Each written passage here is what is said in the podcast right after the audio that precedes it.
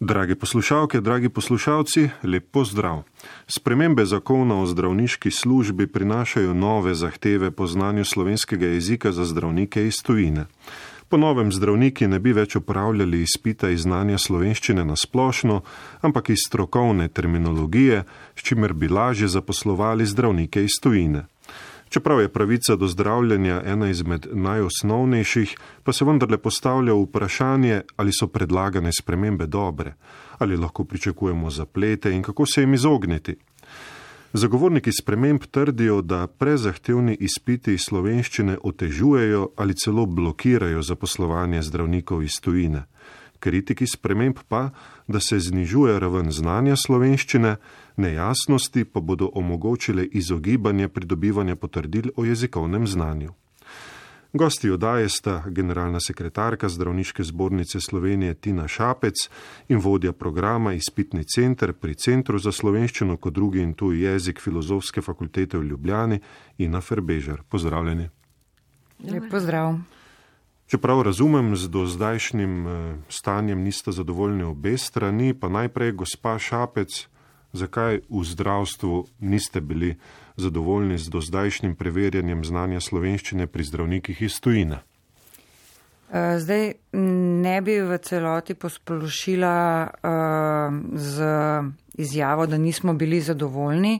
So pa informacije, ki smo jih dobivali iz terena, uh, uh, največkrat uh, osebovale uh, pripombe oziroma težave pri preverjanju znanja pisnega uh, dela jezika uh, na ravni C1, ker je bilo pač dosedaj to uh, enakovredno za vse profile, uh, ne samo za zdravnike in ni bilo ciljano na zdravniško terminologijo.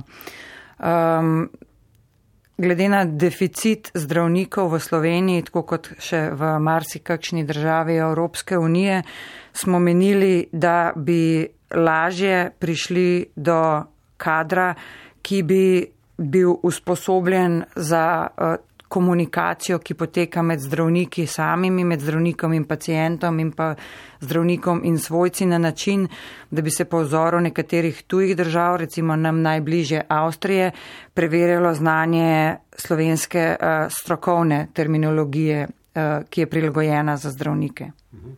V čem je težava tega preverjanja znanja na ravni odličnosti za zdravnike? Uh, ni težava v zahtevnosti ravni C1, ampak samo v vsebini, eh, ki je bila preizkus znanja tega jezika. Eh, zbornica vsekakor meni, da mora biti raven eh, znanja jezika za zdravnike visoka. Um, kot je gospa Ferbežar uh, sama povedala, je B2 raven znanja jezika že raven, ki jo pri nas pišejo uh, na maturi po osmih letih učenja angleščine, naprimer, to se nam zdi vsekakor nujno potrebno, eh, da ostane na ravni B2, da se ne niža. Eh, po drugi strani pa morda bolj usmerjeno preverjanje znanja pisnega dela v smeri strokovne terminologije bolj ustreza temu, kar Slovenija potrebuje. Se pravi, zdravniki bi uh, v tem primeru um, morali bi preverjali eh, pisanje znanja, naprimer um, odpustnice, napotitve uh, na, k specialistu, uh, pogovor med dvema kolegoma. Uh, vsekakor se pa veselimo, da bomo sodelovali z, po našem mnenju, uh, najbolj primernim uh, centrom, to je Centr za slovenščino kot drugi tuji jezik in bomo tudi skupaj pripravili ta preizkus znanja. Časa imamo še kar nekaj. Uh, zakonska določba bo, se bo začela uporabljati s prvim šestim, tako da bomo v najkrajšem možnem času pristopili uh, k sodelovanju. Še ena pomembna novost je, ki jo zakon uh, prinaša in sicer v eni od uh, prvi, oziroma v prvi alineji je zapisano, da se dokazuje znanje jezika tudi z dokazilom o zaključeni najmanj srednji šoli v slovenskem jeziku.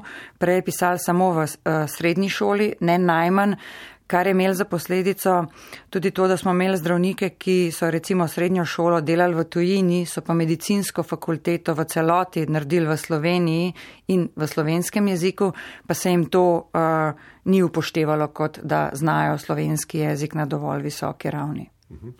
Ali se te spremembe nanašajo na vsa področja zdravstva? ne samo na kirurgijo, ampak tudi vem, na zdravnika družinske medicine. Ja, zdaj eh, zakon določa, tako kot je do zdaj določal, da stopnjo ravni jezika določi zdravnikov delodajalec. Vse specialnosti nimajo enakega stika z pacijenti ali njihovimi svojci, zato bo pač delodajalec za vsak posamezni profil zdravnika, recimo za patologa, kliničnega mikrobiologa ali pa kirurga, določil, na kakšni ravni mora ta eh, znanje jezika biti, ali B2 ali C1, pod B2 pa ne. Torej, če bi šlo za zdravnika družinske medicine, bi bila tam zahteva po znanju višja, kot pa pri bolj, nekem bolj specialnem področju. Ja, recimo morda patologu ali kaj podobno. Zagotovo je pa družinski zdravnik tisti, ki je prvi v stiku z pacijentom, ki mora zelo dobro poznati. Uh, slovenski jezik, da bo razumel, kaj mu pacijent pripoveduje in ga lahko ustrezno zdravi oziroma napotil na nadaljne zdravljenje ali preiskave. Pa bi pri tem zdravniku iz družinske medicine bila enaka zahteva kot do zdaj, torej C1, da izkazuje znanje iz stopnje te odličnosti, to pa pomeni, da ne le na strokovni terminologiji, ampak na splošno. Čisto nasplošno morda ne, uh, ker neke zelo poljudne teme vseeno v ordinaciji niso predmet pogovora ali dovolj pomembne, da bi uh, jih zdravnik uh, moral obvladati na ravni C1. Zagotovo pa vse, kar se tiče pacijenta, uh, njegovih socialnih razmer, okolja, iz katerega prihaja in težav, ki jih skuša zdravniku pojasniti. Uh mhm. -huh.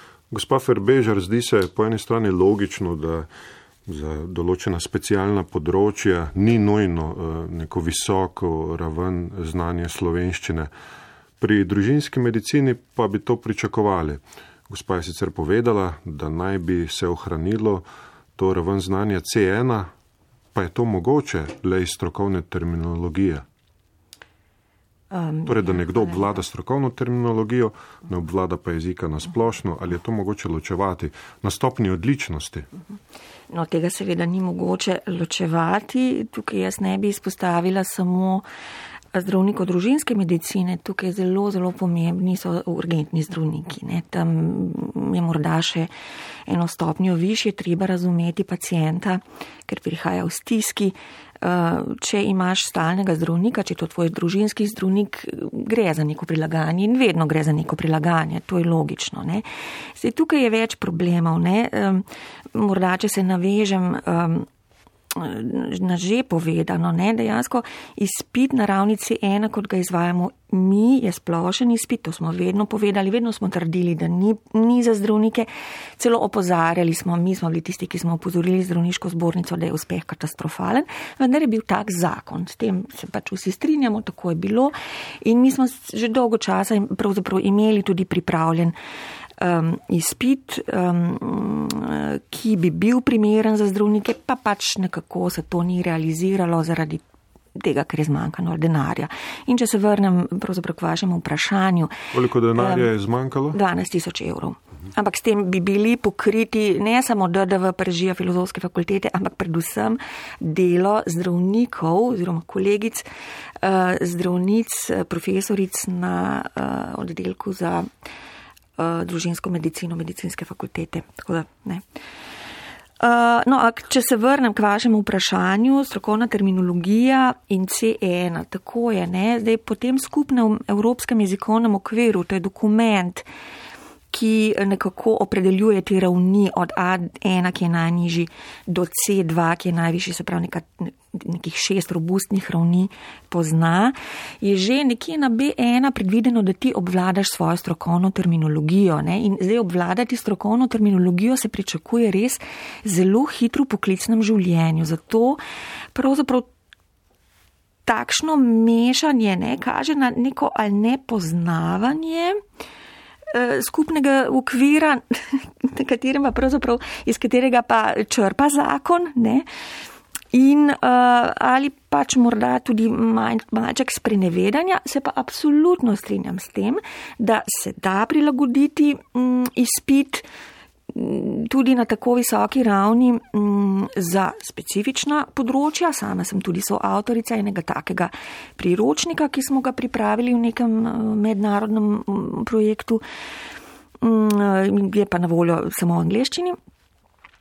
Uh, ampak dejansko, če bi se omejevali na poznavanje strokovne terminologije, bi s tem zelo močno znižali uh, raven znanja. Ne? E, dejstvo je, da je novi zakon prinaša eno fino novost, s tem smo zelo zadovoljni, to je bil tudi predlog Ministrstva za kulturo, če se ne motim, in sicer, da se pisanje znižuje, raven pisanja, ne? da ni več treba pisati na ravnici ena, to bo že zelo pomagalo. Dejstvo je namreč, da zdravnik, ki piše neke stalne ehm, krajše, eh, krajša besedila, neke stalne oblike, ne, kot so, ne vem, odpustnice, anamneze, ne vem, karkoli že zdravniki pač pišejo, če ne pišejo seveda člankov strokovnih eh, ali znanstvenih. Uh, on, s temi oblikami niti, ne pridajo kaj več kot čez raven B1 ali B2, recimo. Ne? Zato je ta tudi predlog bil tak, po mojem. Uh, sem pa nekoliko presenečena nad tem, da je zakon popolnoma izpustil uh, slovenske srednje šole, uh, torej srednje šole s slovenskim učnim jezikom, ki jih imamo v Avstriji in dvojezične šole. Ne, v Italiji tega zakon ne predvideva, to bi bilo prav že na simbolni ravni. Mhm. Če povzamem iz vsega, kar ste povedali in kar sem tudi prebral v teh eh, opombah, ki ste jih poslali v državni zbor, je vaš glavni očitek ta, da zakon prinaša veliko nejasnosti, ki bi se lahko izkoristile ali pa bi glede na dane razmere eh, pač eh, nekomu omogočili, da bi se izogibal pridobivanju potrdilo o jezikovnem znanju, pa mogoče tudi nenamerno, ker je pač takšno stanje.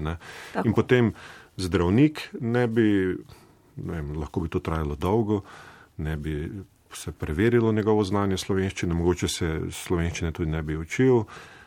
To je pač vaš glavni učitek, če prav razumem. Ne? Ja, no, več glavnih učitkov je ta zagotovo eden glavnih, da pač izpiti ne bodo, oziroma ta potrdila ne bodo primerljiva. Iz neformalnega pogovora ne, sem tudi prej razbrala, preden smo prišli v studio, da to niti ni bila želja zdravniške zbornice, da bi se tako širilo. Ne.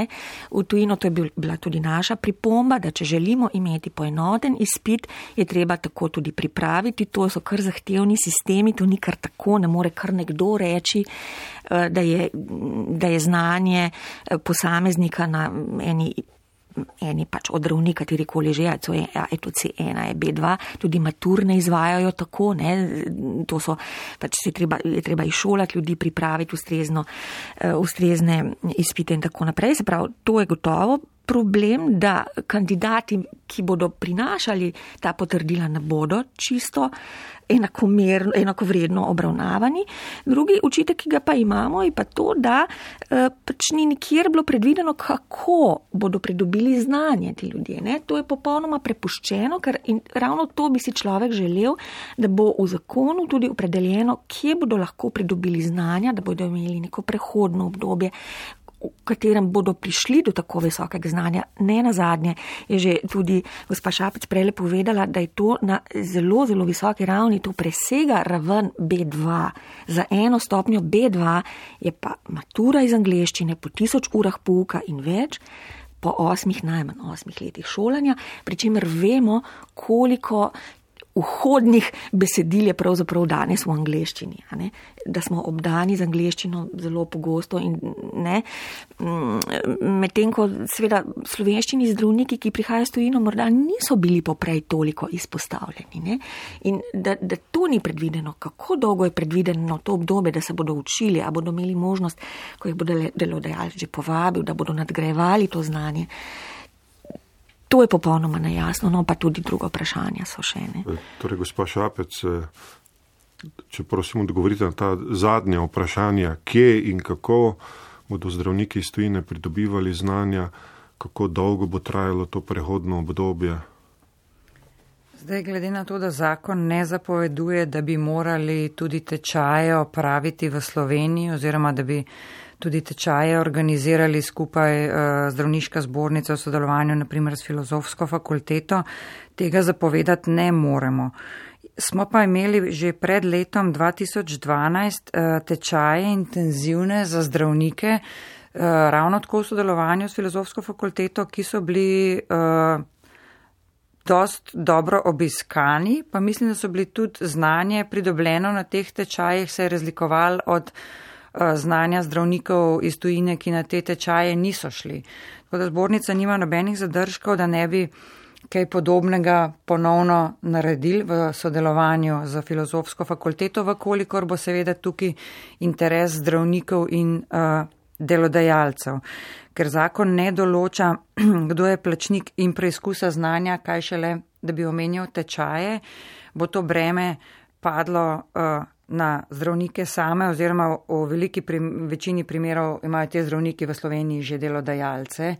Uh, redko se odločajo za prihod v Slovenijo zdravniki, ki delodajalca v Sloveniji uh, ne bi imeli.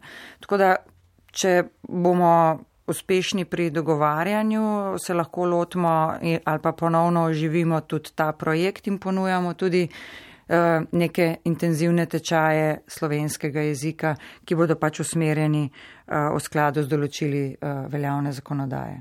Mhm. Pozoren sem bil na dve besedi, da zdravniška zbornica nima zadržkov in če bo interes. Zveni mi pač, kot da je to zelo nedorečeno. Ne vem, tako uh, se mi zdi. Zdaj, uh, mi lahko začnemo pogovore s filozofsko fakulteto, kako bi tak tečaj izgledal, koliko ur bi obsegal in kar bo najbolj zanimalo plačnika, koliko bo stal. Potem bi bilo pa potrebno poprašati uh, vse večje ustanove v Sloveniji, ki so največji zaposlovalci zdravnikov iz tujine, nekatere jih tudi aktivno iščejo. Uh, v državah eh, bivše Jugoslavije, ali imajo za to interes. Um, vprašaj, ali je interes, je odvisen tudi od tega določila, ki je prišlo v zakonodajo m, ne po inerciji zdravniške zbornice, in sicer, da se lahko znanje jezika dokazuje tudi z dokazilom javne visokošolske izobraževalne ustanove v Sloveniji ali tujini, ki poučuje in izvaja izpit. Vkolikor uh, obstajajo v tujini izobraževalne ustanove, ki bodo tem kriterijem zadostile,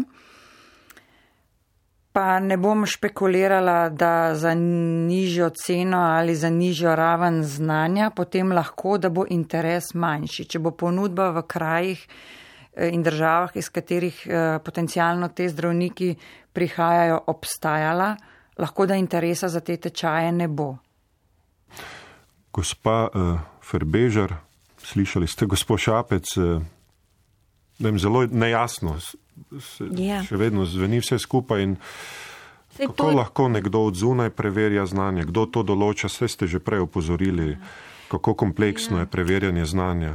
Ja, to so kar kompleksne zadeve, če se jih lotevamo resno. Ne? Zdaj, uh, seveda, v tujini mi imamo veliko uh, Eh, lektoratov na več kot 60 univerzah, se je možno učiti ali celo študirati slovenščino, večina univerz v Evropi. Na to so se sklicevali tudi eh, predlagatelji zakona, sem videla v tistem predlogu. Ne.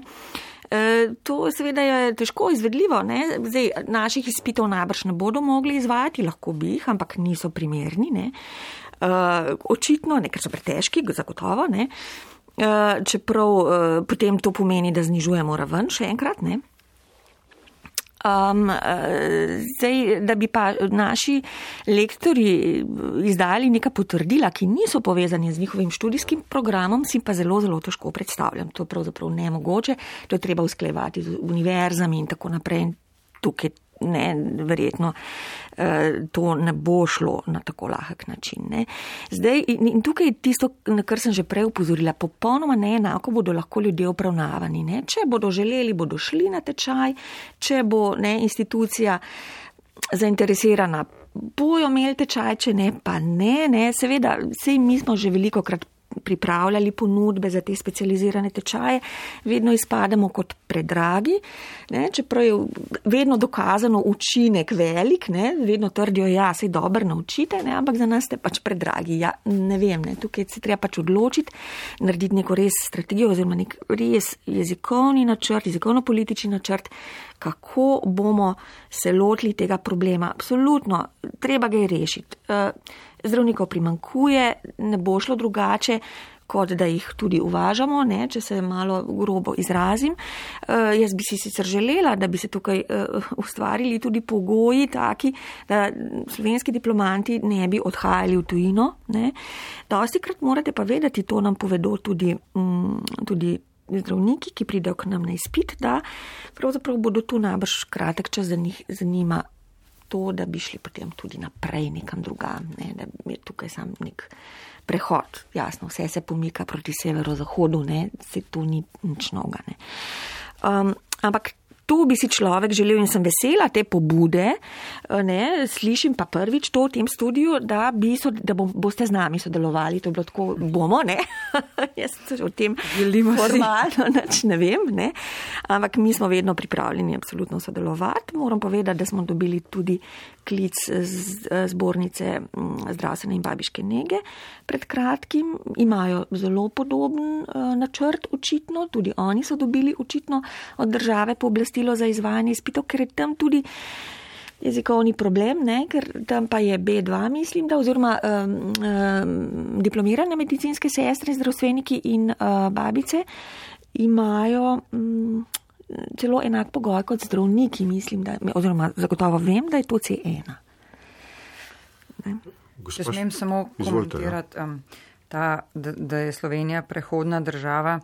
V resnici to na zbornici um, že dolgo let poslušamo te bojazni, pa moram reči, da niso zelo upravičene. Uh, razloga sta dva. Kot prvo je slovenščina kar precej težek jezik uh, za nekoga, ki prihaja iz tujine in mislim, da tist, ki se loti slovenščine, uh, se jo res ne z namenom, da bo čez par let odšel v Nemčijo, ker se je verjetne nemščine lažje naučiti ali pa vsaj tako lahko kot slovenščine. Uh, mislim, pogoji dela in plača so boljši, zagotovo, uh, v zahodnji Evropi. Um, druga težava, ki je pa večja, je pa to, da uh, tisti, zdravniki, ki jim je pri nas priznana poklicna kvalifikacija, morajo najmanj tri leta v zadnjih petih letih oddelati v državi, kjer jim je bila ta kvalifikacija priznana, da gredo lahko v Evropsko unijo po hitrem postopku.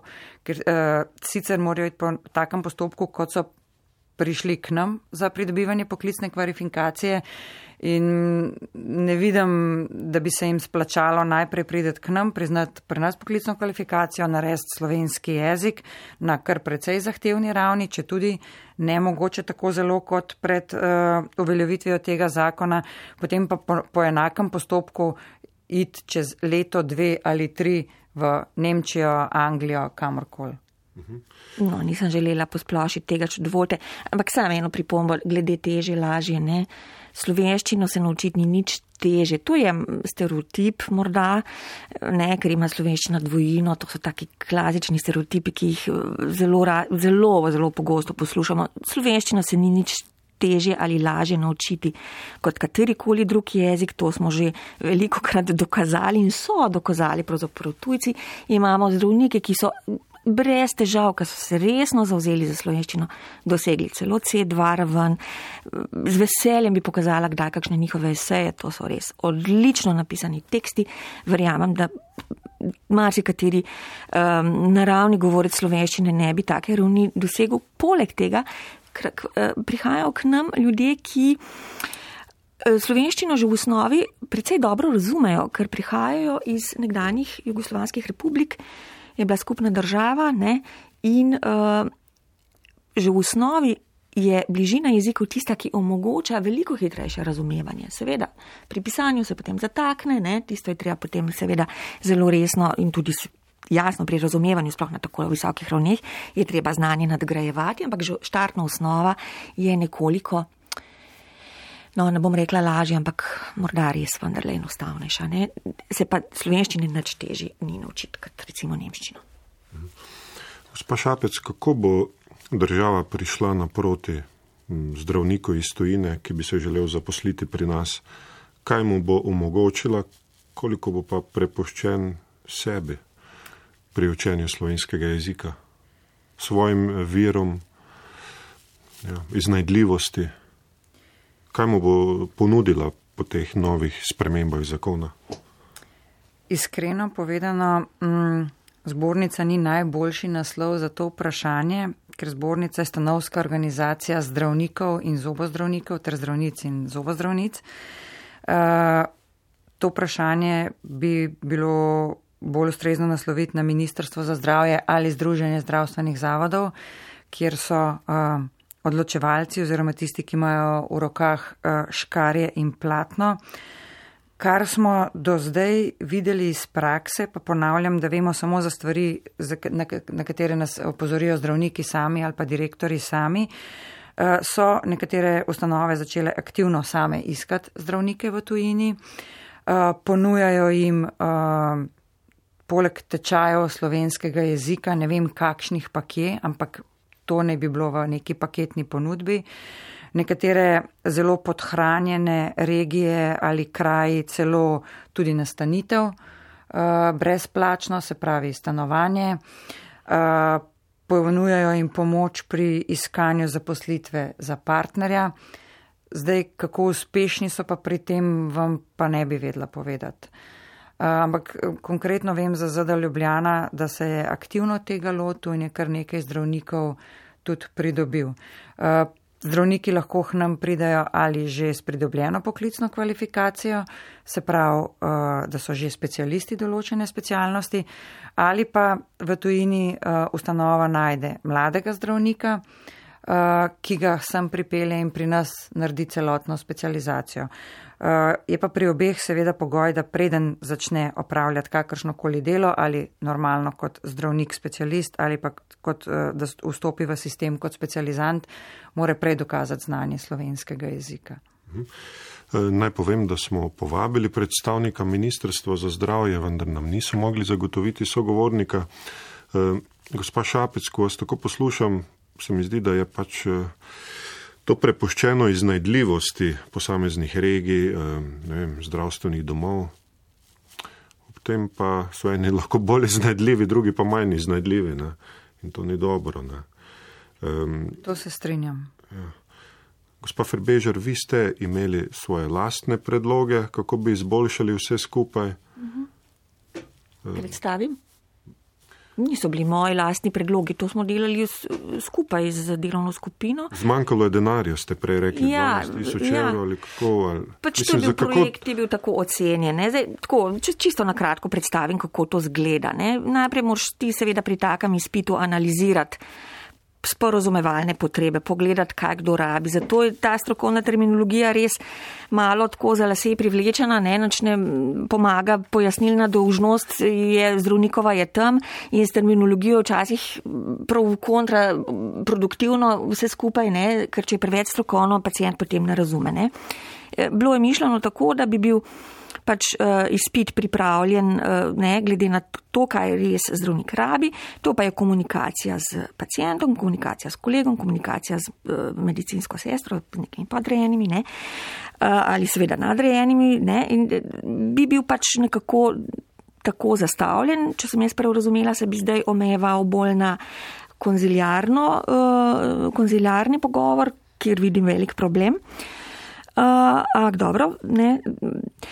Potem uh, se pa treba lotiti takole, ne? ko imaš uh, izpit, ga preskusiš. Ne? In temu mi rečemo pilotiranje. In preskusiš ga tako, da povabiš na potencijalne osebe, ki bi bili potencijalni kandidati, jih posnameš in si tiste posnetke potem in pač pogledaš, kaj so napisali in tiste posnetke potem nekako umestiš na ravni sem že povedala, imamo šest ravni tega skupnega evropskega jezikovnega okvira in jih potem po nekih, nekih kategorijah uh, recimo njihovo produkcijo, ali je to govorjena ali je pisna produkcija, umestiš v te kategorije in rečeš, ok, tole je ena produkcija, ki bi bila zame C1, tole pa ni C1, zato pa zato pa zato, tole pa samo B2, tole pa samo B1. In to moraš narediti, da imaš, da lahko na podlagi tega pripraviš ocenjevalna merila, po katerih bodo tisti, ki bodo potem izpit izvajali, lahko ocenjevali vse enako. To pa potem pomeni, da imaš veliko skupino ljudi, ki to najprej umesti, potem moraš pa potem pripraviš ocenjevalna merila in potem na koncu mm, moraš še šolati tiste, ki bodo izpit izvajali, da bodo znali ocenjevati po teh merilih. Ker vsi vemo, stvari razumemo na zelo različne načine. Mm. In je treba ljudi pač nekako umiriti, skalibrirati. Ne? Uh, smem samo um, uh replicirati, na, uh, da ne bi bilo omejeno na konziliarni pregled. To je bil samo primer, ni bilo mišljeno, da je to omejeno. Jaz vam lahko povem, da um, sodelujem tudi v European Network of Medical Competent Authorities, uh, kjer so nas pred par leti povabili v GMC Manchester, to je General Medical Council, ki ima podobno vlogo uh, za priznavanje poklicnih kvalifikacij kot uh, pri nas sicer ministerstvo. Uh, zbornica jih priznava samo za ne EU državljane. Ne? In zelo všeč mi je bilo, uh, GMC ima uh, narejeno tako imenovano simulacijo, več sob imajo, kjer se uh, potem zdravnik, ki je na izpitu, sreča s pacijentom, uh, ponovadi so to kar kakšni študenti igre ali kaj podobnega, ki zaigra nek scenarij, potem so pa v neki oddaljeni sobi uh, eksaminatorji, ki gledajo, ali je zdravnik prepoznal vse znake, ali je vprašal pravilna vprašanja. Se pravi, se je v nekem uh, precej realnem primeru uh, kot zdravnik uh, odzval tako, kot uh, bi bilo pričakovano za recimo slovenskega zdravnika, kar se tiče seveda komunikacije s pacijentom in podobnega. Imajo narejeno tudi tako, da lahko potem um, tega igravca oziroma pacijenta usmerjajo, kaj naj še dodatno naredi, uh, da bodo videli, ali uh, zdravnik zna. Tako da, kar se mene tiče, so tukaj opcije za preverjanje znanja pa načine zelo odprte. Uh, Eh, vse, kar se bomo uspeli uskladiti, eh, zment, pa zdaj po eni strani že kar v relativno kratkem času, manj kot petih mesecev, dogovoriti, da bomo izvajali, eh, lahko izvajamo. No, se točno tak je bil tudi predlog te, tega projekta, da, da se simulira pogovor s pacijentom, z igravcem, za namnezo, ne, dodali smo še nekaj, da bi moral še nekaj prebrati mm -hmm. in tako naprej. Ne. Točno to je bil predlog, ampak potem sem jaz dobila nekako mm, neko informacijo, da je to preveč komplicirano, kako bomo pa z igravci, pa sem pa ke, ne, skratka, takrat se je zazdelo, no, v nekih drugih okoliščinah, mm -hmm. tukaj res ni imela nič, kaj do zdravniška zbornica zraven. Um, da pač je to težko izvedljivo in tako naprej, no, potem so se stvari začele odvijati drugače. No. Um, ja, ko sem poslušal oziroma gledal pogovor na televiziji Slovenija v odmevih lani, je bilo, mislim, da sem dobil vtis, tam je gostoval predstavnik zdravstvene stroke, zdravnik. Sem res dobil vtis, da eh, so na eni strani torej zdravniki, na drugi strani pa jezikoslovci in da sta to ločena svetova, da eni govorijo drugim, kaj vi komplicirate. Ne. Ne, se mi nič ne kompliciramo, zakon je bil pač C1 in tukaj si nimaš kaj komplicirati. Ne? In seveda pa razumem, da do C1 je zelo, zelo težko prideti, ampak če, možete, če ste vi sami napisali zakon, kjer piše C1, mi pa pač izvajamo izpite na C1, je bilo to tako. Zdaj, in seveda, jasno, to je težek izpit in še enkrat, to ni bil nikoli izpit za zdravnike, nikoli ni bil mišljen tako. Moram pa povedati, da smo se pa kar zelo trudili, da smo poskušali dati tako splošne teme, da bi lahko katerikoli, eh, kdorkoli svoje perspektive za devščino osvetljiv. Ne? Ampak kot sem povedala, C1 pomeni, da se izražaš tekoče, spontano, da razumeš in pišeš zahtevnejša besedila, da si zelo učinkovit pri tem. Ne? Eh, pri govorjenju in pri pisanju za akademske poklicne namene, to je pač C1, tako je opredeljen in tukaj Ne, samo, seveda se da omejiti, kot sem že povedala, ne, ampak to bo potem res omejitev, pa ne, ne bo šlo samo na terminologijo, no, ker to je pač hecno, ne, da bi samo terminologijo. Ne, se izključno terminologija ne gre, gre pač za to, kar smo se zdaj pogovarjali. Da je kontekstualizirano, tako, da je kontekstualizirano, to je pa absolutno smiselno, to je, če dalje, to bi bilo idealno, če bi lahko sploh vse izpite tako, ne, to bi bilo mnogo bolj naravno za ljudi, če bi lahko izpite tako izvajali. Žal jih ne moremo, ker je to predrago in se potem pač mm, delajo neke, neke ne, take uh, splošnejše zadeve. Se bo moral biti tudi pri zdravniški zbornici spet splošnejši, ne bo mogel biti posebej za pediatra, pa posebej za, za, za srčnega kirurga. To je nemogoče. Ne? Spremembe zakona so potrjene, niso še pa uveljavljene. Kdo ima zdaj škarje in platno v rokah, če pride ali ne pride do dogovora, kako se bodo uh, peljale zadeve naprej?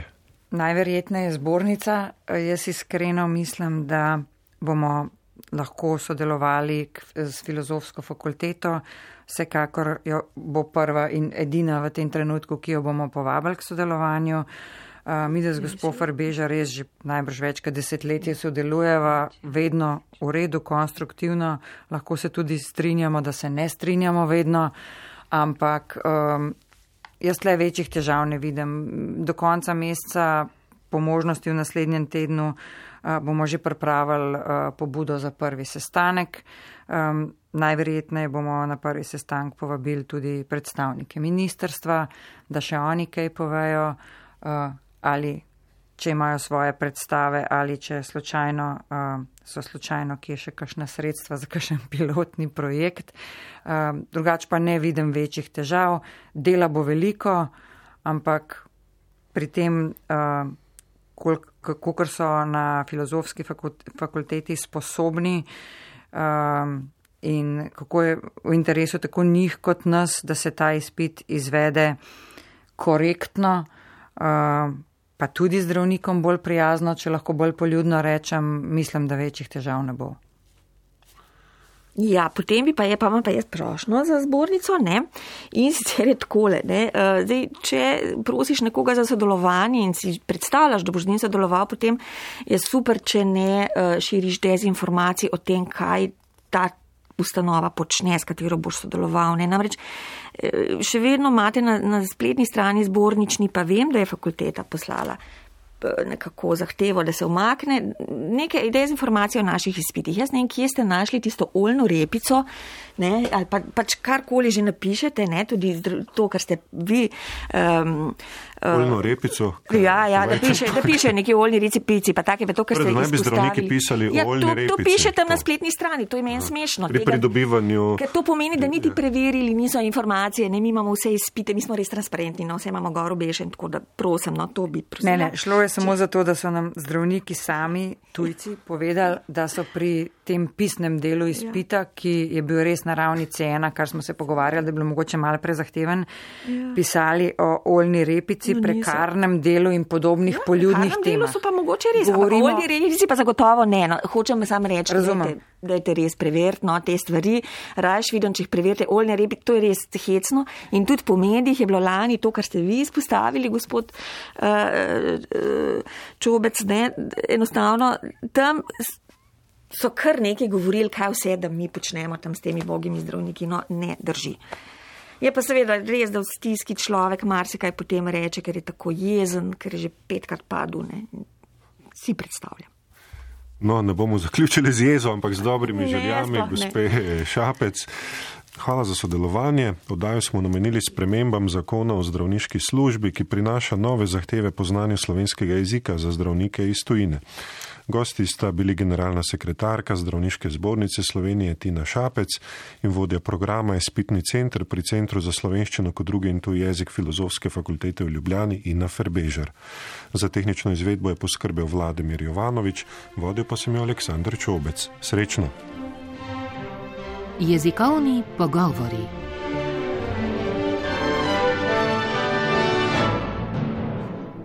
Oddaja o jeziku in jezikoslovju.